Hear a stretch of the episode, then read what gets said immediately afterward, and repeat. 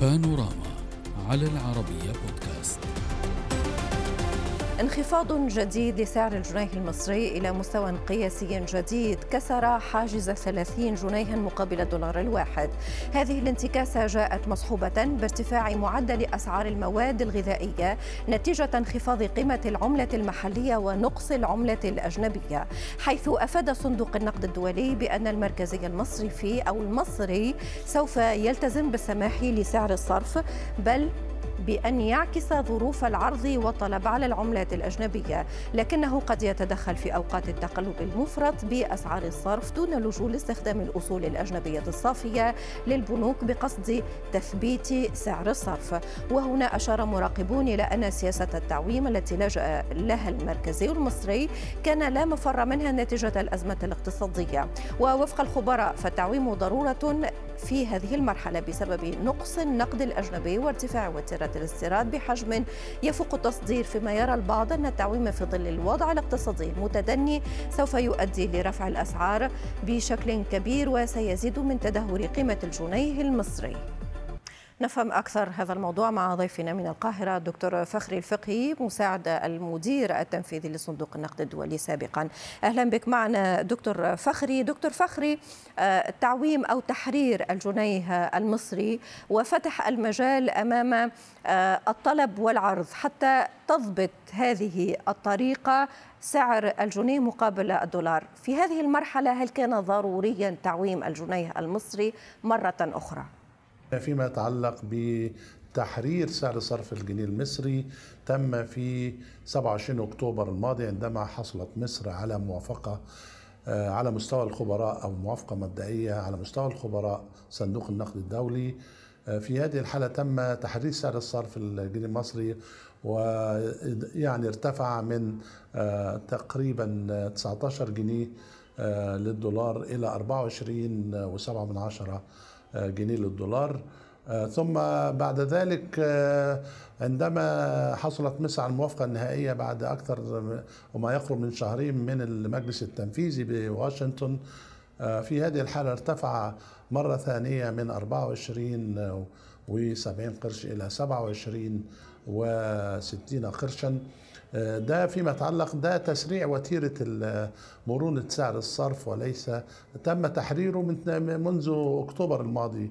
لكن ما يحدث الآن هو عملية يعني يعني أصبح أكثر مرونة في هذه الحلقة كذلك عندما يعني اليوم وجدنا أن هناك تسريع لوتيرة تحرير سعر الصرف أو يعني مرونة سعر الصرف في هذه الحالة حتى بلغ ما يزيد عن ال 30 جنيه للدولار وزاد عن ال 32 في أثناء التعامل اليوم في الجهاز المصرفي نعم. على الأحوال يعني الاستهداف استهداف البنك المركزي الآن ينحصر في محاربة التضخم والغلاء لأنه تأثيراته على تأثيراته على النسيج الاجتماعي في هذه الحالة يعني هي محل اهتمام البنك المركزي بالدرجة الأولى. اللي هو لأنه معدل التضخم ارتفع. هو محل يعني اهتمام البنك المركزي يا دكتور حتى حتى نفهم بطريقة كذلك. يعني يقول البعض بأن التعويم وهو ليس التعويم الأول في عهد الرئيس السيسي هو التعويم الثاني. ولكن سبق للراحل انور السادات ان عوم في 1977 للرئيس آه، آه، حسني مبارك كذلك في 2003 آه، وتتالت العمليات. هذه المرة يقول البعض بأن السلبيات قد تكون أكثر من الإيجابيات. فيتش مثلا آه، صنفت آه، آه، مصر سلبي بعد أن كان التصنيف مستقر. فحضرتك ما الإيجابيات التي تراها ربما في المدى المتوسط إلى البعيد بعد عملية التحرير الأخيرة هذه؟ يعني دعيني أشير إلى أنه يعني أساسيات الاقتصاد المصري سليمة. لكن هي ما حدث هو ندرة النقد الأجنبي مع طبعا تداعيات أزمة روسيا الحرب الروسية الأوكرانية ولو أن تداعياتها خفت كثيرا اللي هو أسعار الطاقة انخفضت بشكل يعني آه، ملفت للنظر بالإضافة أسعار الحبوب إلى آخره. آه، لكن تبقى المتبقي في هذه الحالة تداعيات وخروج الأموال الساخنة من مصر بمقدار 22 مليار خلال أربعة أشهر سابقة. هذه الندرة في النقد الأجنبي أدت إلى اتخاذ بعض القرارات التي أدت إلى ظهور آه، طوابير أو قوائم انتظار للسلع الموجودة في المواني لا يوجد يعني الدولار الكافي للإفراج عنها في هذه الحالة. ده معناه إنه في طلب غير مشبع أو غير كافي للافراج عن هذه البضاعة الموجودة في الجمارك تصل كانت تصل إلى 15 أو 14.5 مليار.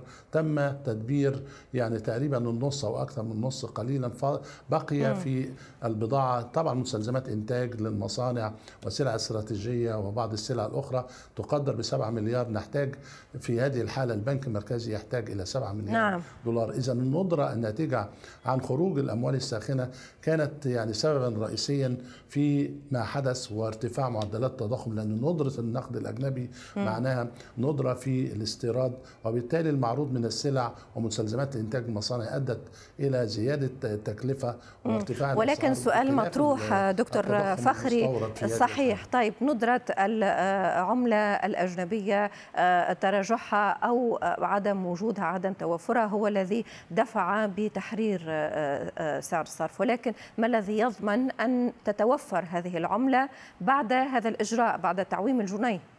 آه، لو نظرنا قليل لو نظرنا إلى إنه ما يحدث في مصر شانه شأن باقي الدول العالم هي أزمة آه، اقتصادية عالمية ناجمة عن الحرب الروسية الأوكرانية.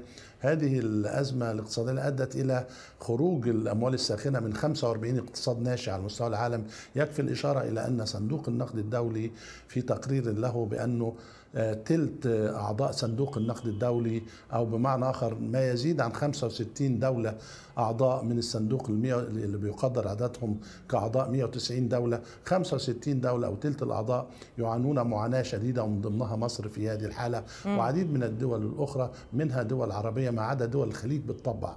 ولذلك بنقول في هذه الحالة هذه الظروف هي خارجة عن إرادة هذه الدول وهي ظروف دولية. طيب آخر سؤال دكتور فخري ألا تتكرر نعم.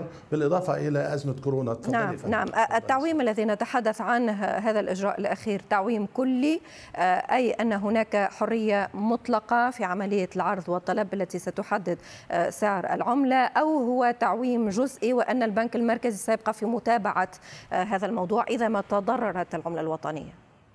تم الاتفاق بين صندوق النقد الدولي لأن لدينا برنامج مع صندوق النقد الدولي لمدة أربعة سنوات.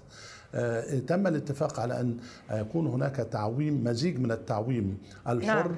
ولكن يمكن للبنك المركزي أن يتدخل التدخل نعم. في حالة إذا ما انفلت سعر الصرف عما هو وبشكل غير شكرا. مبرر يستطيع البنك نعم. المركزي أن يتدخل بإدارة نعم. هذا شكرا جزيلا لك من القاهرة دكتور فخري الفقي مساعد المدير التنفيذي لصندوق النقد الدولي سابقا شكرا لك دكتور نأتي إلى نهاية بانوراما لهذا المساء غدا في نفس التوقيت ملفات أخرى دائما للنقاش السلام عليكم